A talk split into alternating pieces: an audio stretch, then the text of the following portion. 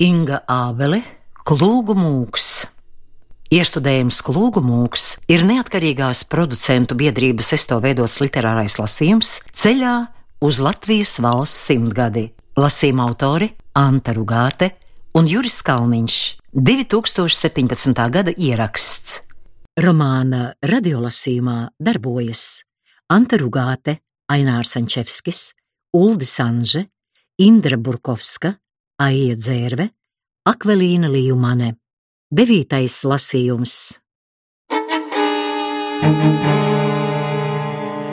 Viņi visi kā uzburti uz zuzes bērnu. Vakar tirgū tā čigāniete. Kur lien? Zuze bija uzkliegusi, kad melnā vecene garām ejot bija noglaudījusi meitenītes matus. Tev smuks bērns. Tev smuka pakaļ, glaudi savu žopu, nemanu bērnu. Ugh, jā, ugh, jā, smijā. Nu nav jau tā, ka Zuze uzskatītu čigānus par sliktākiem ļaudīm, un nav jau tā, ka Zuze bailēs no cilvēkiem dzīvotu. Zuze baidījās tikai no viena - no tā brīža, kad viņai krūtīs beigsies piens, un ilgojās arī tikai pēc viena - tikt atpakaļ mājās uz Kolnesolu. Apkārt mušas sīca, brusaki lodāja, riebums un bailes bija tiem naktī pieskarties, bet bērns, tāds mazs un gaišs, kā ābeles ziediņš zuzes klēpī, nezināja vēl neko no pasaules ļaunuma un viltus, skatījās tumšām actiņām, vēroja, tik gudrs un nevainīgs bērns. Kā teica tā kņaze, kas izrāva viņu no Pritona, dieva līdzību var aptumšot, bet to nevar iznīcināt. Zuze pati bija aptumšojusi sevi, bet dievs nav ļāvis viņas bērniņu iznīcināt. Čuči, guli, žū, žū, žū. Tēvs tevi negribēja. Mhm. Māte nevarēja, bet dievs neatstāja. Bērnam čukstēja zuze. Bērns čūpstināja tukšo krūti un skatījās viņā ar domīgām, kā visu pieredzējuša cilvēka acīm. Sākumā jau viņai veicās. Zuzes sirds dziļumos bija pārliecināta, ka dzīvē ar viņu reiz notiks kas labāks. Pāršķīrusi bijušo, kā lapu vecā dziesmu grāmatā, viņa devās uz Maskavu pēc jauniem vākiem, jauna iesējuma. Bija kāda paziņa, grāfienes Natālijas vectante Kitija, uz ko Zuze lika lielas cerības. Kitija zināja kungus, kuriem vajadzēja kalponi un varēja dot rekomendāciju. Maskavā iebraukusi, Zuze uzreiz devās pie paziņas, un tā viņu noveda garām lielajam teātrim uz Tveras ielu. Zuzai jau pa ceļam sareiba galva no lielpilsētas spožuma, un pie skaistā kungu nama nomalis Daļava pienāca gluži apreibusi. Parādas durvīs, kristāla stiklā spoguļodamies, stāvēja šveicars koši sarkanā livrejā.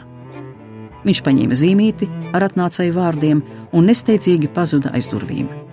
Zīmīti pārtvēra un uznesa augšā kāds cits. Labu laiku abas viesņas stāvēja pie durvīm, viena otras vaipstus iesānis lasīdamas, un nevarēdamas tikt skaidrībā, godināt vai necienīt. Aiz durvīm kāds atkal noskrēja pie šveicara, un tas parādījās ar uzaicinājumu ieiet. Taču nevis pa parādes durvīm, bet sētas. Viņas iegāja norādītajā istabā, un zuza sastinga. Akmenāja mūža nestāvēja pat blakus šī nama spožumam. Vectante apsēdās uz sofas. Ienāca nama saimnieks, procetuvu manufaktūras līdzīpašnieks, iegātnis Bertrāns Kretjēns un stādījās priekšā labā, vienkāršā stilā, bez liekām āršķībām. Viņš bija neliela auguma francūzis, šaurām acīm, aiz apaļām brīlītēm, izteiksmē sauss un lietišķs. Jā, viņiem vajagot istabu meitu, un ja Katrīna von Roškrance pāva var galvot par Zuzi Brunovu, tad kāpēc ne? Lai nesot savas mantas šurp. Tante Kitija galvoja, bet šķiroties katram gadījumam sašņāca uz Zuzi, lai prototies. Katrīna esot likusi ķīlā savu labo slavu. Dzīve pie kritieniem izrādījās pārpilna lāsmeņiem.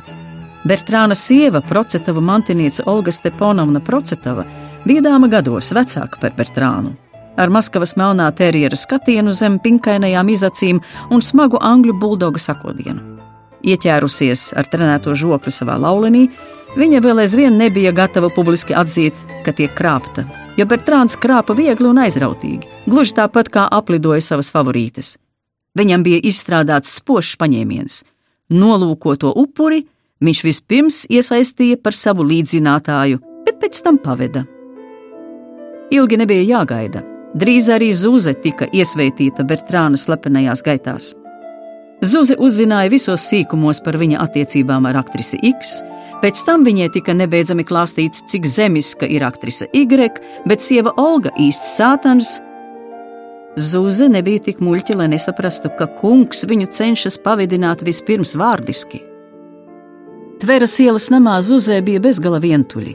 Cik spēja viņa turpināja praktizēt franču valodu, arī lielo flīģeli sarkanajā zālē spēlēja, kad palika viena, bet tā bija pašdarbība, kas bez skolotāja neveda nekur. Kretiena kundze Olga pret katru jaunu sievieti Procetova namā izturējās ar dibinātu svelošu naidu. Pārējie kalpi skatījās uz Zuzi kā eksotisku lauķi, ņečistņi ruskuju, pie tam katoli. Kad kungs beidzot atklāja savas jūtas un lūdza kopā ar viņu bēgt uz lauku īpašumiem, Zuze piekrita. Mēdz teikt, to, ko Dievs grib pazudināt, viņš apvelta ar lepnību. Zuze jutās pārāka un simtkārt vērtīgāka par Bertrāna veco sievu. Olga Stepanovna taču bija tik briesmīga, neglīta un ļauna. Bertrānu vajadzēja saprast un atbalstīt viņa nodomus panākt šķiršanos un sākt jaunu dzīvi. Kādu rītu Olga Stepanovna neizturēja. Ar spēcīgu roku sagrāba neusticīgo lauleni aiz pleca un klusējot aizstiepa pie istabas svētā stūra, nospieda ceļos, krustā, sistā priekšā un lika nožēlot grēkus, ko viņš asaras birdinātams arī darīja. Vēlāk Zuzi uzzināja, ka tā Procetovu namā notiek katru rudeni. Protams, Zuze tur palika tikai tik ilgi, līdz nāca gaismā viņas grūtniecība. Kamēr vēders vēl bija neliels, Zuze piepelnījās uzkopdama maišalnieku bodītes Tagankas laukumā. Reiz salicās kā zelta izdzirdējusi divus piedzērušos vīriešus savā starpā runājumu inflantiešu mēlē. Dzeršana Maskavā bija liela, un kopā ar to arī nabadzība un pagrimšana. Ieplastām acīm kā slīkone, Zuze jutas sevi grimstam ar vien zemāk un vēroja sev apkārt viņus, šīs zemūdens radības. Zuzes dzemdības iekrita ziemā, kad viņa jau iztika tikai no ubagošanas un mita pagrabos un pavārtēs.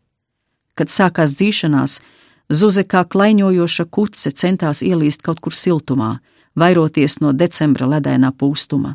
No visām parādes durvīm viņu dzina prom. Sāpēs ik pa brīdim stingdama, viņa ievilkās Pleskovas stacijā starp karavīriem, večām, maišalniekiem, tirgoņiem un ielas puikām. Pie perona lēnām pienāca milzīgs garš preču vilciens ar dažiem pasažieru vagoniem pa vidu. Vilciena pienākšana sakrita ar vislielākajām sāpēm. Zuze gribēja apsēsties un atpūsties, bet redzot zem sevis perona klonu, palika kājās. Tajā brīdī lielais spēks sāka dzīt bērnu ārā Pēc mežonīgajām sāpēm tas bija burvīgs, apbalvojošs brīdis dubļainās stacijas vidū, starp svešiem cilvēkiem un neļainiem vagoniem, svilpjošām, kaucošām lokomotīvēm. Būdama vēl aizvien lokana un vīga kā vītols, Zuze dzīvnieka veiklumā saķēra savu bērnu un apmetās uz muguras, lai mazuli neskartu naidīgā augstā zeme.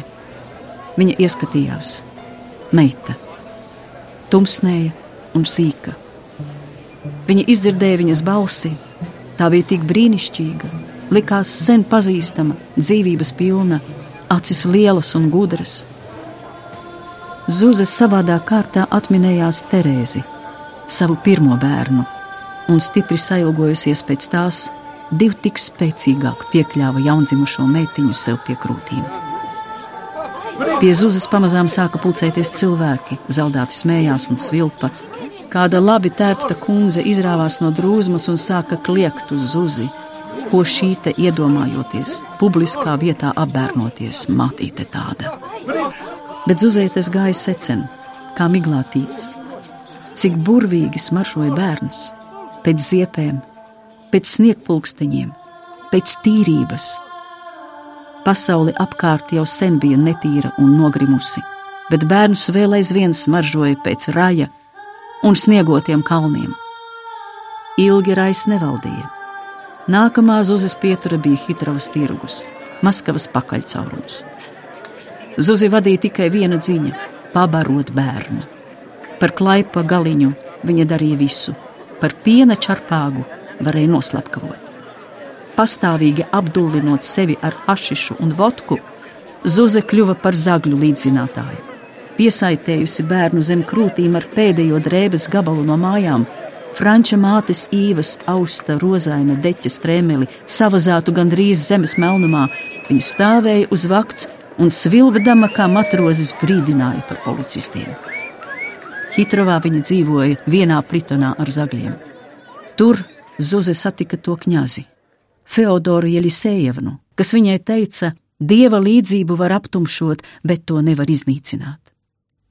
Kņazi nebiedēja netīrība, lamas, cilvēku veidoli zaudējušas sejas.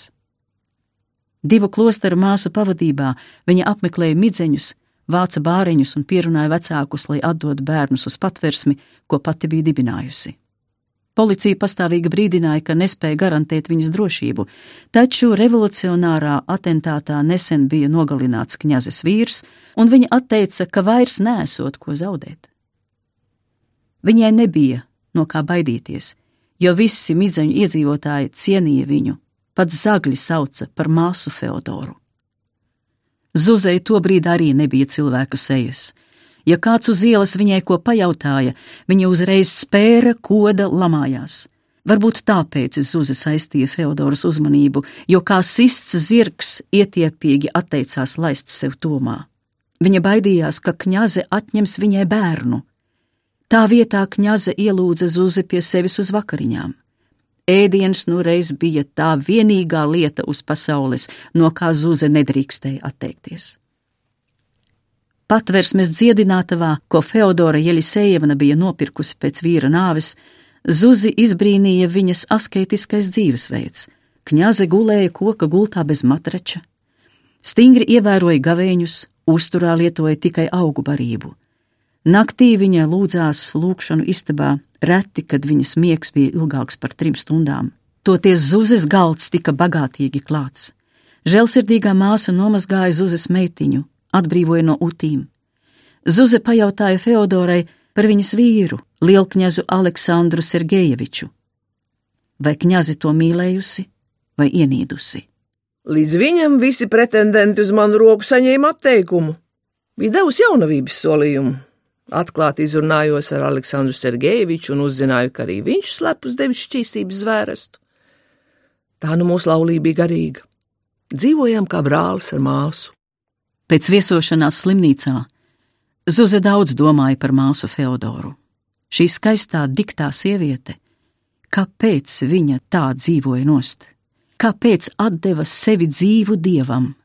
Bet tās bija bailes no kādas lielākas nelaimes nekā bats sals, sērgas un pazemojumi. Zuze to nespēja izprast. Cilvēki parasti rīkojās pilnīgi pretēji. Rau zagļi, tik līdz tiem bija veicies kādā netīrā darbā, tie tūlīt savā midzenī sarīkoja tādas dzīves, ka ķēniņu un cūkas nobāla. Jo cilvēciskāks cilvēks, jo vairāk spēja atteikties. Un atkal Zuzē bija jādomā par Franciju Varbūt Francim taisnība. Zuze nebija lēnīga un nekad nebija mācējusi atsacīties. Būtu Zuze pratusi, varbūt viņi abi būtu savas dzīves viens otra tuvumā nodzīvojuši. Bet tad pasaulē nebūtu viņas ābeļziediņa. Šī pretruna Zuzi mulsināja, jo bez meitas viņa savu dzīvi vairs nevarēja iedomāties. Pamazām Feodora pierunāja Zuzi pārvākties uz patversmi, taču ilgi Zuzi tur nesabija. Tikai līdz laikam, kad kastaņas izlika zaros sveces un Maskavu ietina mīlīgs pavasara siltums. Zuzi savā varā bija pārņēmusi vajāšanas mānija. Māsa Feodora bija lūgtin lūgusies, lai atdod bērniņu nokristīt, pareizticībā, bet Zuzi domāja, ka kņazi grib bērnu nozagt no pastāvīgā uzbudinājuma, negulēšanas, aizdomām un sāpēm, Zuza izkalta kā mūmija, taču arī Hitrovas midzenī viņa vairs nevarēja atgriezties. Patversmes laikā bērniņš bija atkopies, kļuvis balts, pat nedaudz apvēlies. Tagad ar tādu līst atkal iekšā utīs, blusās un piedzērušo aurošanā, Zuza bērnu dievināja. Pārtikdama no ubagošanas un pazakšanās, katru brīvu brīdi veltīja bērna vērošanai. Viņai pat jocīgi reizēm kļuva ap sirdi, cik dziļas bija bērna acis, kā divas laika akas, kas rāva sevī iekšā. Bērna skaidro acu atspulgā, Zuze pati sevi redzēja tīru un skaidru. Viņa sāka nakšņot iebraucamā vietā, kur par nelielu izpalīdzēšanu kukņā deva arī brokastis. Vietas saimniece Pūliete Halina, ko visi sauca par pankūku veceni, un kura piešķīra Zuzē nabadzīgu istabu savā traktierī Ābolu ielā, bija skopa pēc vēlna, baroja ar salušiem salkaniem kartupeļiem un sīpolu mizām, bet vismaz baroja. Nomaksāt par istabu gan vajadzēja obligāti. Savāda vienaldzība pārņēma Zuzi ar katru dienu vairāk, it kā viņa būtu iegrimusi dūkstī vai slīgtu letarģiskā miegā. Viss bija vienaldzīgs. Tikai viens sapnis vēl dzīves - aizvest ābeļziediņu uz Zuzes dzimtajām mājām un nolikt uz altāra Māra zemes karalienes rokās. Sajust, kā tur smaržo zeme un debeši. Varbūt pat baznīcas kungu sebaldu sastapt un lūgt, lai nokrista bērnu, Francim Zuzi ļautu dzimtajā ciskodu baznīcā. Kur lai rod atbalstu? Pie kā lai dodas? Jo vakar viņai istabu vajadzēja atstāt, jo nebija ko samaksāt. Lejā dzērāji kliedza, pradavai majači liegavsie četiri kaļesā. Becene droši vien štopēja viņus pilnus ar ikru pankūkām. Par to jau šī vieta iecienīta, bet varbūt arī ne jo rīt paredzēts jaunā cara kronēšanas banketes Hodinkas laukumā. Tur plūdīs krējuma upes pankūku krastos, tur šņabis, alus, limonāde. Visi taupījās Nikolaja otrā garajiem galdiem. Jau mēnesi klīda baumas par pasakaino mielastu, tur prāvās bagāti un nabagi. Arī Zūze dosies uz banketu kopā ar ābeļziediņu. Laicīgi ieņems vietu pie cara siles, viņa ar mazu bērnu. Rupja ļautiņi viņu nelaidīs klāt, ja viņa kavēsies. Kāpnēs bija dzirdami soļi. Kāds aizgāja pa gaiteni. Zuza ieklausījās. Viņai jau labu laiku šķita, ka Halina glūn uz viņas bērnu. Visi kā uzburti uz viņas bērnu. Neatdos viņa savu ābeļziediņu nevienam, ne vecenei, ne kņazei, ne dievam, ne vēlnam. Pēterpils garīgās akadēmijas jaunisceptā teoloģijas maģistra Francisko Sebalda pirmā darba vieta bija Dinaburga. Viņš pasniedza ticības mācību Dinaburgas meiteņu ģimnāzijā un Dinaburgas reālskolā. Meiteņu ģimnāzijas direktors Pūlis Savickis ilgos gados bija noplēsis nevienu apavu pāri, lai izkalpotu impērijas administrācijā kāroto direktora amatu rāpojot pāri skolu inspekcijas sliekšņiem, nospodrinājis bikšu ceļgalus, izlūgdamies amatpersonu labvēlību, izdeldējis svārkiem elkoņus, pat mati viņam no paura bija atkāpušies no nemitīgas daudzīšanās ar galvu pret zemām durvju stenderēm. Taču tas bija nieks pret to nelietību, kad viņam, paudzēs iesakņotai katoļa dvēselē, paša prāts karjeras dēļ negaidīti lika priekšā pāriet pravoslāvijā. Viņš to izdarīja būdams par sevi ārkārtīgi izbrīnīts, un rezultātā kļuva par Dinaburgas galveno katoļu nīdēju. To izdarīja dzīslās ritošās katoļu asinis, jo tieši šīs sugas pareizticīgie bija visniknākie katoļu apkarotāji. Tāds paplucis, paspūris un nemitīgi ieklausīdamies sevī, kā gaidīdams no sevis kārtējo pliķi pa sirdsapziņu, Savickis bija spiests pieņemt savā mācību iestādē 27 gadus veco Sebaldu, liesmojošu ticībā, nobriedušu uzskatos, izglītotu un pievilcīgu. Vēl vairāk viņš bija spiests nolūkoties, kā Sebalda audzēkņu skatieni pamazām zaudē bezcerību un iekvēlojas dzīvespriekā. Nepagāja ir pusgads, kad Savickis, rakstām spalvu kodīdams, sacerēja Krievu valdībai adresētu sarežģītu un atsauču apvītu sūdzību par Franci Sebaldu Sūdzība bija pamatota un klasiski izstrādāta. Tai bija ievads, iztirzājums un beigas, kurās Savickis meta ierasto luncināšanos pie malas un izaudzēja kulmināciju, spērdams zipšņus un pērkonus, netaupīdams metaforas, lai savu ticības mācības skolotāju nodēvētu par revolucionāru un bīstamu personu. Ko tad šis revolucionārs bija izdarījis? Viņš bija protestējis pret katoļu bērnu piespiedu sūtīšanu uz Krievu baznīcu cara svētku dienās. Ar revolucionāriem to laika ceremonijas bija īsas. Sebaldu tūlīt atstādināja no kapelāna amata gan meiteņu ģimnāzijā, gan reālskolā. Taču tas nenozīmēja, ka Francis atstādināts būtu kļuvis brīvs. Tās pašas dienas vakarā sarkanā baznīcas kunga īrētajā dzīvoklītī Dinaburgas katoļu kūrijas mājā ieradās cara valdības prokurors, pristavs un sīka auguma niknas žandarmērijas oficieris. Lūkojoties, kā skopā, bet sirdī tuvā iedzīve, tiek lapu pa lapiņai, diedziņu pa diedziņam, šķiedru pa šķiedriņai, raupju pirkstu izšķirstīta un nomesta, Francis pirmo reizi izjuta tik spēcīgu pazemojumu, ka galvas kreisajā pusē viņam noplaiksnīja tāds kā trīszaru zipsnis, kas ar grandienu sasniedza mīkstos audus un padarīja tos nejutīgus. Sejas kreisā puse kļuva nekustīga, un tāda palika arī tad, kad neko noziedzīgu neatraduši. Varas pārstāvi atvadījās, vēlēdami nepamest dzīves vietu līdz iekšlietu ministra izvērtējumam. Bet Francis juta tikai savas sejas paralīzi, kas kā ledains stingums pamazām piesūcināja ķermeņa kreiso pusi, sagrābdams pakausi, tad arī skaustu. Pēc žandarmu aiziešanas Viņš apsēdās savā krēslā ar melnajiem ādas pasitņiem un nosēdēja tur līdz rīta gaismai, kā sāpēs ietīta mūmija izvandītā sarkofāgā. Pazemojama rūktā dvinga cēlās no lietām kā izgruzdējušās zemdegās. Seju sedza viegla nejūtības sarma, bet apakšā plaiksnīja sāpe. Šis stāvoklis būtu neciešams, ja ne franča iekšējā pasaule – kas bija palikusi pasargāta un dedzīga. Viņš lūdza dievu. Guns viņa būtnē cīnījās ar ledu. Viņš atcerējās visu, ko bija mācījies, un pārdomāja to, ko bija atskārtis. No šī viņš secināja, ka iet pareizu ceļu, un nojauta, ka smagās moku stundas ir nopietnas, tomēr tikai pirmais pārbaudījums.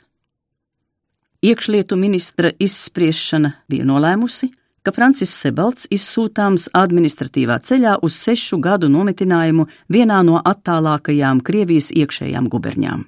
Šī ziņa nonāca Mogiļevas arhidiecēzes prelāta Apolinēra Ignata Dovgjallo ausīs, kura pārziņā bija vitebskiešu katoļu lietas un arī labi sakari ar Krievijas svešu ticību departamentu. Daugello aizbilda vārdiņu, un viņam tika ļauts spītīgo revolucionāru pārcelt uz Rīgu, ar nosacījumu, ka Sebalts vairs nekur un nekad nedrīkst būt par skolu kapelānu. No Latgolas latviešiem Franci aizcēla uz Baltijas latviešiem, bet tur jau bija pavisam citi spēles noteikumi nekā Vitebskas guberņā. Krievu aģentiem Rīgā rokas bija par īsām. Sebalts kļuva par skolu kapelānu vairākās Rīgas skolās, kā arī par sāpju dievmātes baznīcas vikāru. Rīgā viņš pirmo reizi pamanīja milzīgo plaisu, kas atdalīja līdz šim vēsturiski nošķirtos latviešu zemes novadus. Francis darīja visu, lai mazinātu šo plaisu. Iepazīdamies pats un iepazīstinādams Latgolas un Rīgas latviešu sabiedriskos darbiniekus citu ar citu.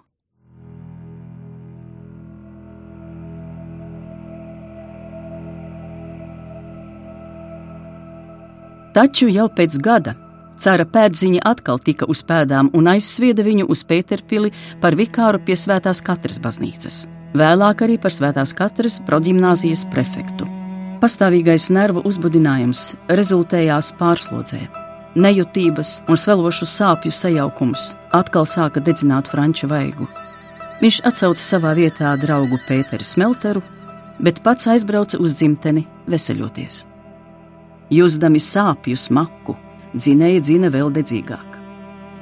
Izkratot franču kursa biedru Ljubljanas katoļu seminārā, viņi bija uzrakuši naivu dzīves un darbības plānu ar 24 punktiem, ko Sebalds kopā ar saviem kursa biedriem garīgās akadēmijas beidzējiem bija sastādījuši un parakstījuši studiju pēdējā gadā. Pret Krieviju un valdošo iekārtu tur nekas nebija sacīts. Tikai apņemšanās apgaismot visiem spēkiem savu tautu un darboties literatūras laukā. Cariskās valdības acīs tas bija liels noziegums, jo tā uzmanīja ne tikai katru nacionālo, bet arī sabiedrisko kustību. Sebalts un viņa biedri tika apvainoti par slepenas biedrības nodibināšanu ar mērķi atjaunot Pūlijas valsti. Sots skāra Franci un vēl 30 viņa biedrus. Iekšlietu ministrs Dalgarukovs izdeva rīkojumu Sebaldu izsūtīt trimdā uz Vladimiru pie Kļazmas, bet Francis bija slims. Viņa ķermenis smeldza, ap kaklu no nejūtības un sāpēm pamijus savīta virve, pats izdēdējis, cīpslains, neirastēnisks koka stumbenis. Redzot šo nabaga miesu, nevienam no draugiem nebija šaubu, ka nākamā ziema izsūtījumā Franci nogalinās. Ar Rīgas prefekta Vlasovska gādību jaunais kapelāns ziemu pārlaida Rīgā, taču pavasarī vairs nebija nekādu iespēju trimdu novilcināt. Izkaulējis atļauju nokļūt Vladimirā uz sava rēķina, Sebalds gluži kā parasts pasažieris devās ar vilcienu sākumā uz Pēterpili, lai tur pārsēstos vilcienā uz Maskavu, bet no Maskavas uz Vladimiru. Maskavā tajā laikā visu maija nedēļu notika jaunā cāra Nikolai II kronēšanas svētki. Krāšņas ainavas, karogi, lielgabali, lēpgvardi, huzāri, kazaki parāda stērpos un parādas zirgos un augstākās sabiedrības krējums. Pilsētas ielās mirgoja pērles, rubīni un zobeni, mēmais kankarainais nabagu pūlis, aizrautu elpu un rokās sažņauktām cepurēm stāvēja uz ceļiem pie spaska vārtiem, kur pēc kronēšanas ieradās jaunais cars, un viņa desmit gadus alktā iemīļotā cariene, Darmštatas princese Alise, kas laulājoties ar Nikolai II, bija pārgājusi pareizticībā pieņemot Aleksandrs vārdu. Šķiet, visa Eiropas dišciltīgo kārta tajā nedēļā bija Maskavā. Un arī visa Maskavas plukatu apliecina, kas cerēja reizi par gadu krietni sadzerties un saēsties uz cara tētiņa rēķina. Vispārējā juceklī arī vilcieni nekursēja, kā pienākas. Uzgaidāmās zāles kaktos paklusām runāja par streiku. Sebalds nedabūja apmainīt vilciena biļetes, nebija kur, jo kastes bija slēgtas. Viņš izgāja atpakaļ pie peroniem, un kāds dzelzceļa kalpotājs, nodildētā vamzī ar sarkaniem uzplečiem, deva Francim padomu noīrēt lētu istabu, bet nākamajā rītā apaicāties par jaunumiem vilcienu kustībā. Francis pavirši pamāja un atvadījās no pārmīnieka. Viņa domas aizņēma raizes par naktsmītni. Vakars bija atnesis vēsumu un ķermenis sācis smelkt. Trīzaru nervs un Gorodavojas neļaus pārlaist nakti par kausu soliņa. Viņš sāka soļot uz centra pusi. Pa Maskavas ielām viņu veda nevis prāts un kājas, bet rūcošās zarnas un ieplastās nāsis, kas starp simtām citu Maskavas smaku un smaciņu nekļūdīgi pavērsās ēdienas mārda virzienā. Samarskas ielas galā Franci apstulbināja spēcīgs saules puķu eļļā ceptu pankūku smārts, dzeltens un taukains tas uzkrita uz sejas un smacēja kā pēlis. Smarža aplika Francim cilpu ap kaklu un ievilka ābolu šķērsielā, kur uz sienas bija attiecīgi rakstīts pie vecmammas uz pankūkām. Francis uzkāpa pāris pakāpienu līdz traktiera durvīm un ielūkojās kukņā. Tur ap pannu guns gaismā rīkojās raganai līdzīga sieva notaukotā uzsvārcī. No liela kurvja ar liekajiem pirkstiem viņa ņēma melnos ikrus un bēra pankūku aploksnēs aizvērdama tās un mazliet pasutinādama sviestā uz uguns. Pēc tam meta bļodā un apkaisīja ar sakapātiem zaļumiem, no liela skalu kurvja aplēja ar krējumu un aputināja ar pipariem. Kā uz burvju mājienu Francim pārstāja rūkt zarnas un sāka dunēt sirds. Tīri instinktīvi, dzīvības alku vadīts, ķermenis metās pie pavarda un roka izstiepās pēc lēnīka. Ārā! Veča ieķērcās kā mehānisms, ar izvalbīto acu perifēriju pamanījusi aiz sevis sebaldas uzsātību. Francis nebija muļķis, nebija arī pirmo reizi šādās iebraucamās vietās. Bāza roku kuldā un parādīja večai sudobra rubli. Tā tūlīt kļuva laipna. Ā, Nāciet, nāciet! Domāju, jūs viens no tiem krievu kucēniem. Pats vēlns tos dzen uz Maskavu no malu malām. Un ķēzars ar savu Hesens princesi skraida kā aptracis pa visu pilsētu. Ar pajūgu vienkārši cilvēks vairs nevar nekur izpraukties. Jo kas būs? Nelaime! Es to paredzu. Vecene gribēja vēl runāties, bet Francis atplauka sarunām tikai tad, kad bija dabūjis šķīvi ar divām ikriem pildītām griķu pankūkām, kas piemīlīgi gulēja krējuma un kapāta diļu gultā. Tiesa par tām bija jāatdod rublis. Viena piektā daļa no mēnesim domātās uzturnaudas, pieciem rubļiem, kas bija Sebalda rīcībā. Taču viņš šobrīd par tām būtu atdevis arī karaļvalsti un baltu zirgu piedevām. Nervi bija sākuši atspirkt pēc vairākām smagām neirastēnijas liekmēm, miesa prasīja pēc barības un miera.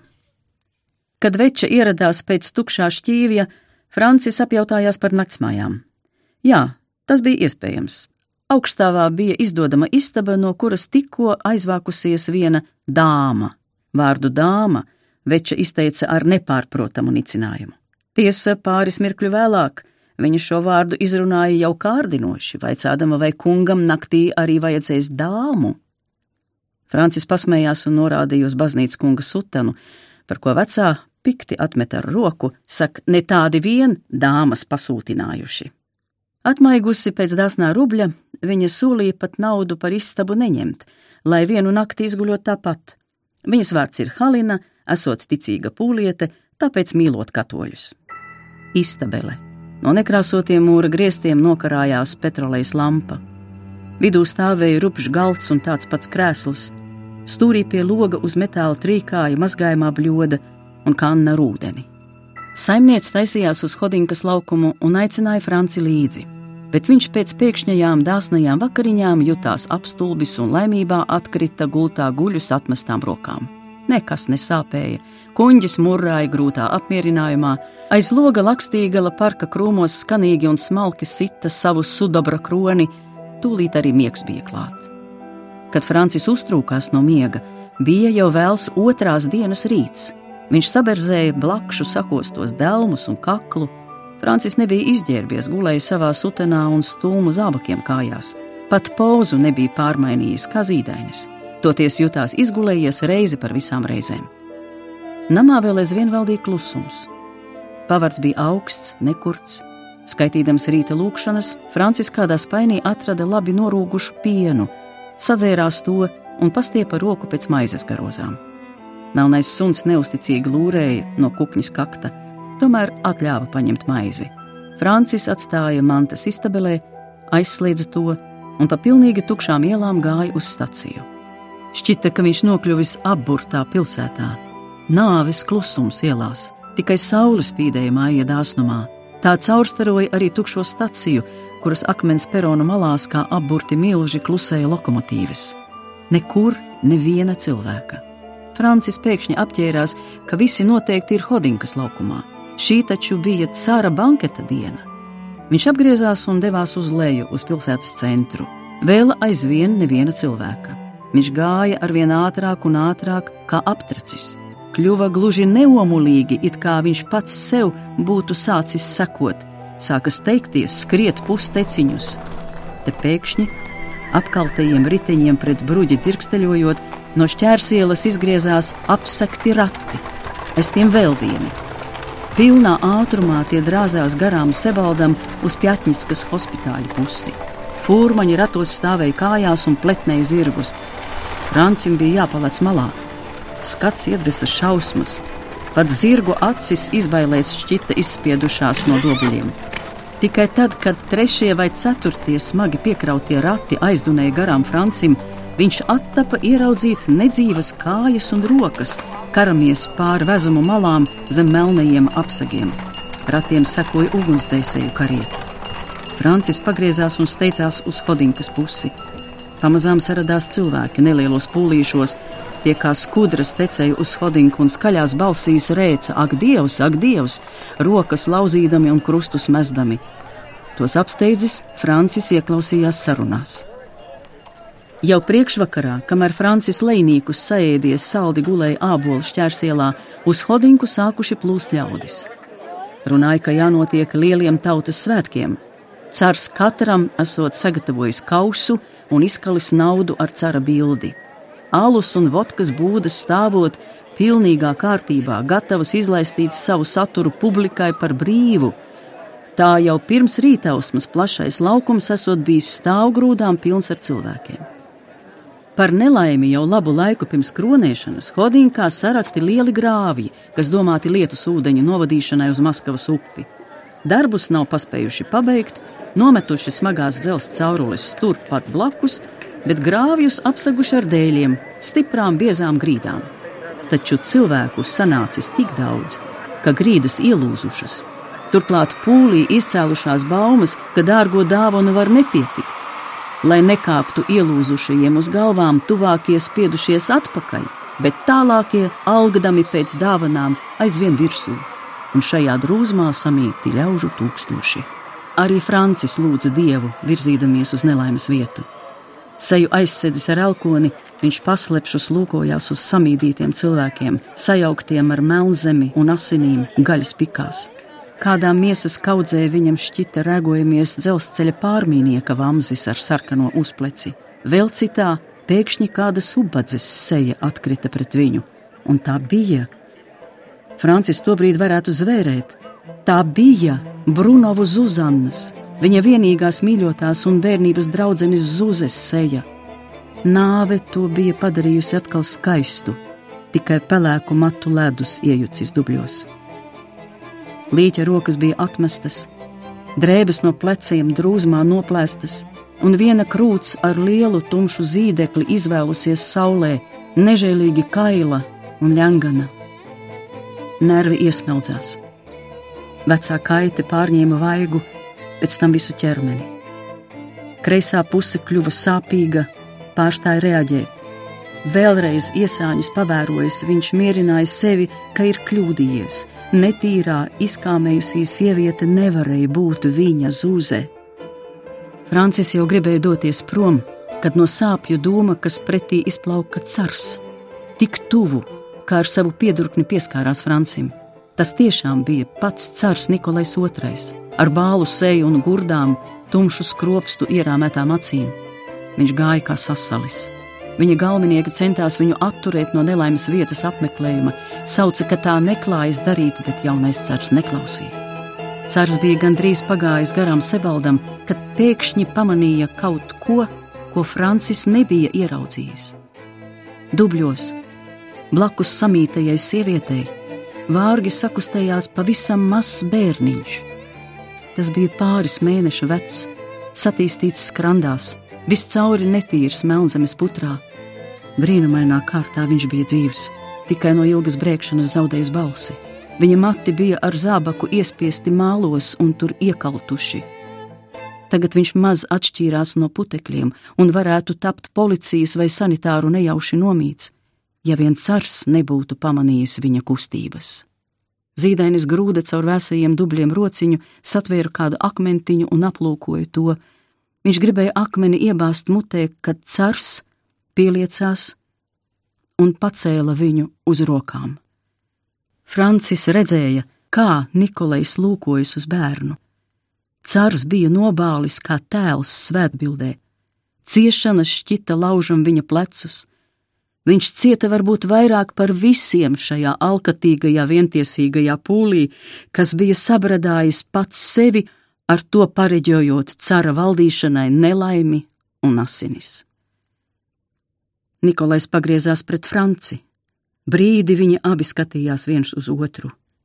Divi vīrieši, uz drūpoša, sātaniska laika fona, kā spogulis un tā attēls bet varbūt tur bija trīs, divi cilvēki un laikmets, kā samīts krūts bērns starp viņiem. Cars bija tikai gadus četrus jaunāks par Franci, bet abi jau gluži nekustīgiem nolemtiem vaipstiem. Cara seju bija sasaldējušas drūmas nojausmas, franča nervu kaite. Abi juta siltumu krūtīs plūsmojam vienam pret otru.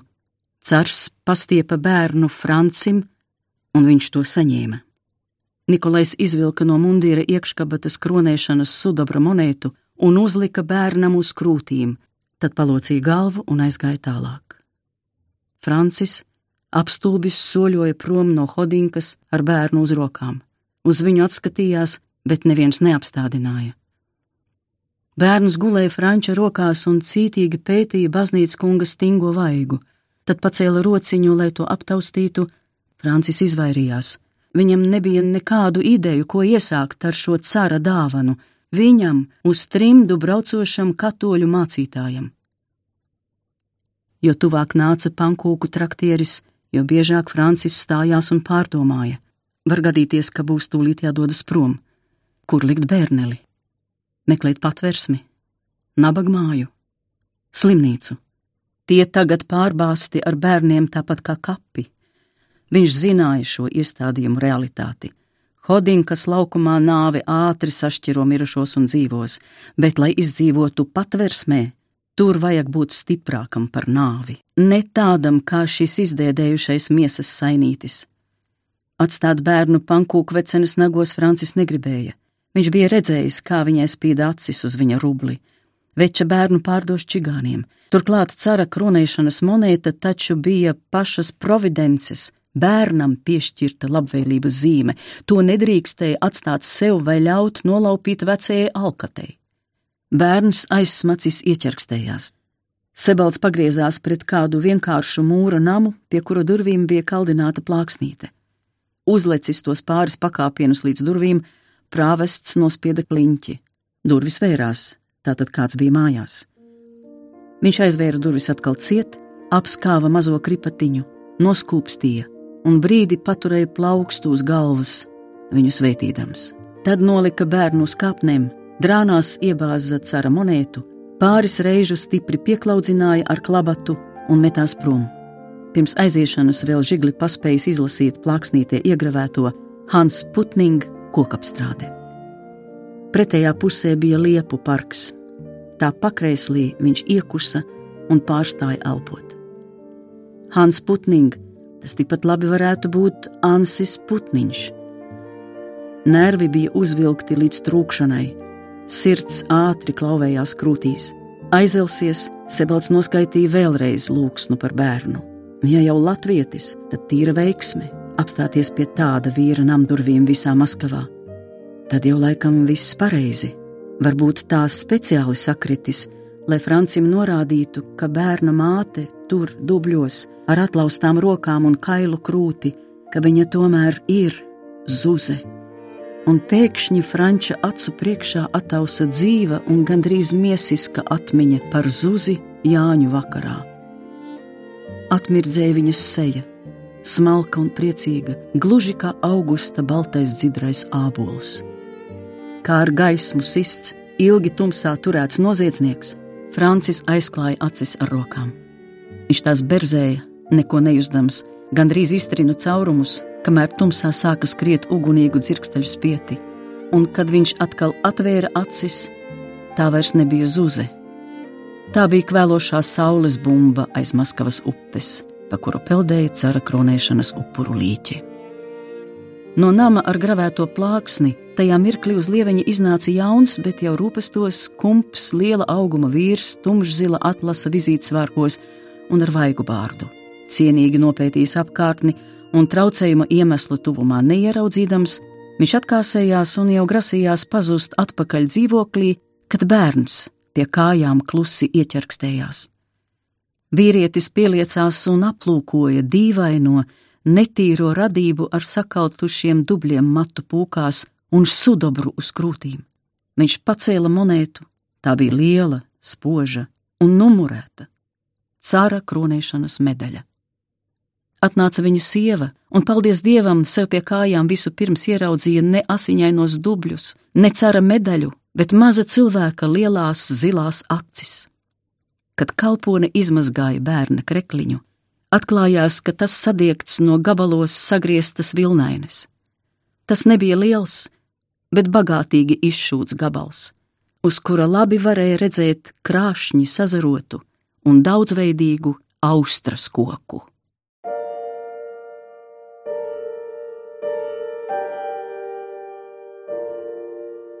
Lasīt, kā daudzi citi inflantu bērni, mazais Jēzus iemācījās Marcelas lūkšanu grāmatā.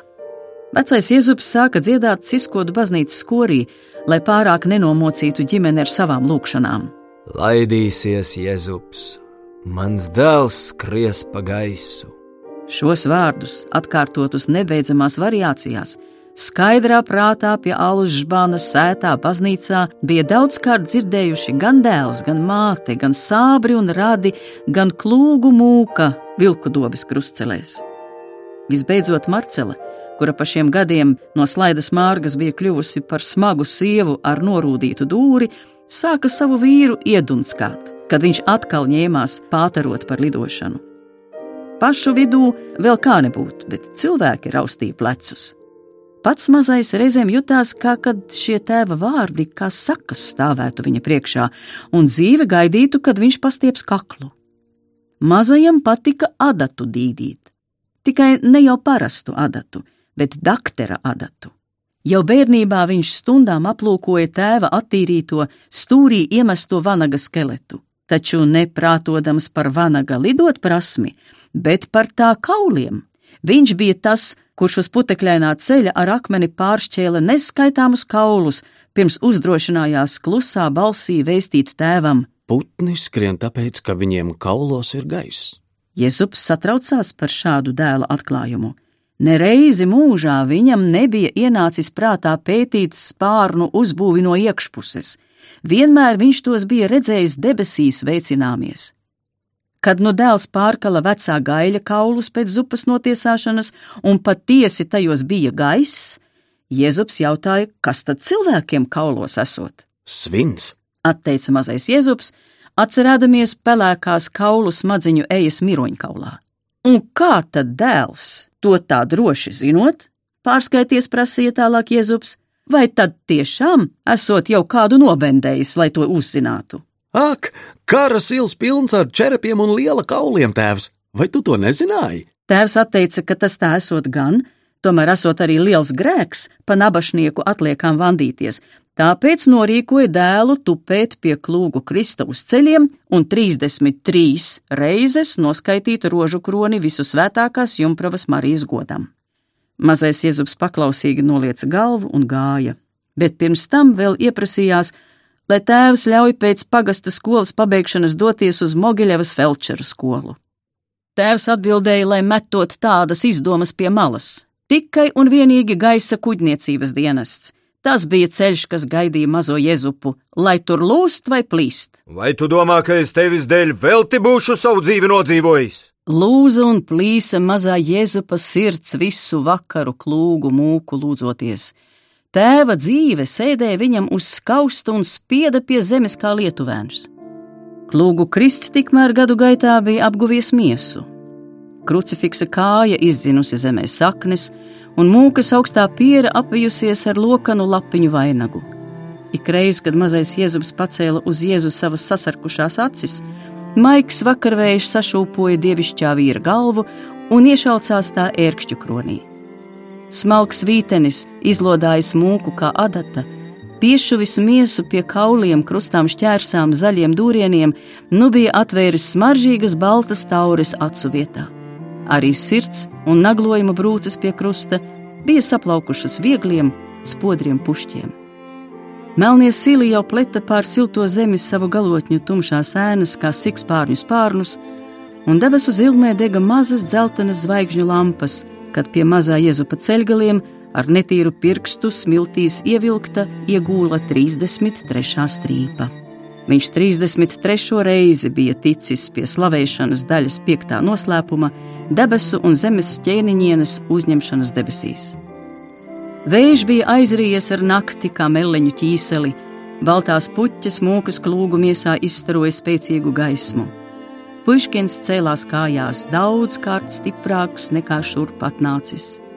Norimušais vējš un sastingusī mūka savā slēptajā dzīvīgumā bija devuši neskaidru apsolījumu. Es to izdarīšu. Mazais zvērēja jēzumu un guva mieru. Izsenis zinādams, ka Belostokā kāds attāls radinieks ieņem atbildīgu dzelzceļa ierēģņa vietu, mazais Jēzus rudenī devās pie šī cilvēka nevienu nebrīdinot. Viņš tika sagaidīts ar atturību konkrētā palīdzībā, bet visumā laipni. Pats sameklēja Belastokas reāla ģimnāziju, un viņam nebija grūtība tajā iestāties. Tūlīt norakstīja tēvam un mātei garu vēstuli, ko pēkšņas iegribas vadīts kā īsts viduslaiku princis aizzīmogoja ar sarkanu sveķainu zīmogu, un to nosūtījis dienām un naktīm jauda vēstules ceļu pa baltiem putekļainiem inflantijas lielceļiem, strauju pasta zirgu aso pakavu kapātiem, kā pa savām paša dzīslām, līdz beidzot kādu pievakari vēstules gaita aprima tālā Vitebskas guberņas aizkaktā, kara silā pie vilku dobes kur uz istabas sliekšņa divi sakumpuši cilvēki sēroja pēc sava zudušā dēla. Neaprakstāms bija viņu prieks, kad viņi saņēma mazā vēstuli. Apmēram tā arī tas viss notika, kā mazais to noredzēja, atlaidies uz muguras šaurajā studenta bričkā Belostokā. Uz Režicas lielceļa no Viļānu miesta puses vispirms sacēlās putekļu mākonis, tad no tā iznira sebaldu slavenie ķiršu sarkanie zirgi ar melnām krēpēm, un slēdā lokā, kā no lingas izsviests akmens, ietriecās šaurajā vilku dobes stidziņā, atstājot klūgu mūku ar sirmiem rudens putekļiem deniņos. Kad putekļu vērpetes izklīda cauri retajam vilku dobes sētmalim, abi brāļi vispirms pagodināja Jēzu Kristu, tad Donats izkāpa no ratiem un spieda pie krūtīm Jēzupu. Pēc tam viņi ātri apmainījās ar frāzēm par āršanu, pļaušanu, lopiem un vecāku veselību, kad mirkli vēlāk Donats kāpa atpakaļ ratos, Marcelas klēpī kā balta bezdelīga ieskrēja aploksne ar smagu zīmogu. Donats pacilāja grožus, uz vietas apgrieza pasta sarķus un prom bija, bet Jēzus ar Marcelu vēl ilgi pētīja kuvēru. Tad bijīgi atplēsa, izņēma no tās mazā Jēzupa vēstuli un skatījās uz papīru, līdz beidzot asaru aizmiglotās acis uztvēra literus un satrauktais prāts ķērās tos savienot balsienos, pēc tam vārdos. Belostokā Reāla ģimnāzijā labas sekmes, gribot turpināt mācības pizzerī, kara medicīnas akadēmijā. Dēls vismaz bija dzīvs, un nemaz tik aplam tālu no gaisa kuģniecības sirds Pēterpils. Marcela skatījās pretī lielām acīm, un tā viņi labu brīdi nosēdēja viens otru pētīdami, kā gribētu izdibināt, vai kara medicīnas akadēmija viņu dēlam ir uz labu vai ļaunu. Tas vēl bija ar dakšām ūdenī rakstīts, un to nevarēja zināt, bet dēls bija dzīvāks par dzīvu, turklāt pats uz sava ceļa. Vai tēvam var būt lielāka laime? Skata pēc mazliet bāždā pabubinājis un paguģojies, Jēzus lepni cēlās no sliekšņa un ar vieglu sirdi gāja pie darba. Tālajā pūļu zemē mazo Jēzupu tajā mirklī pēkšņi atlaida nemieris. Tēvs nedusmojās, tēvs saprata, vai dēlam var būt lielāka laime.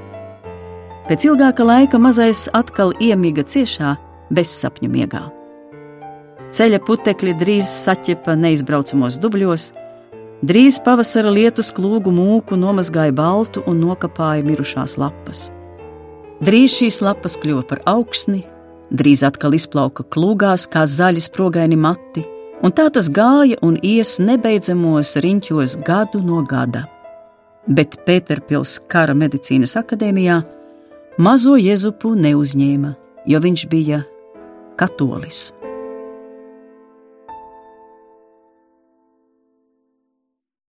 Izskanēja Latgales Latviešu kongresa un Latvijas valsts simtgadē veltītais Ingas Ābeles romāna Klūgu mūks, Latgales radio līlieskaņojuma devītais lasījums. Radio lasījumā darbojās Anta Rugāte, Ainārs Ančevskis, Uldis Anže, Indra Burkovska, Aija Dzērve, Akvelīna Lījumane, komponists Juris Vaivots, skaņu režisors Andrijs Krenbergs, Režisors Juris Kalniņš. 2017. gada ieraksts.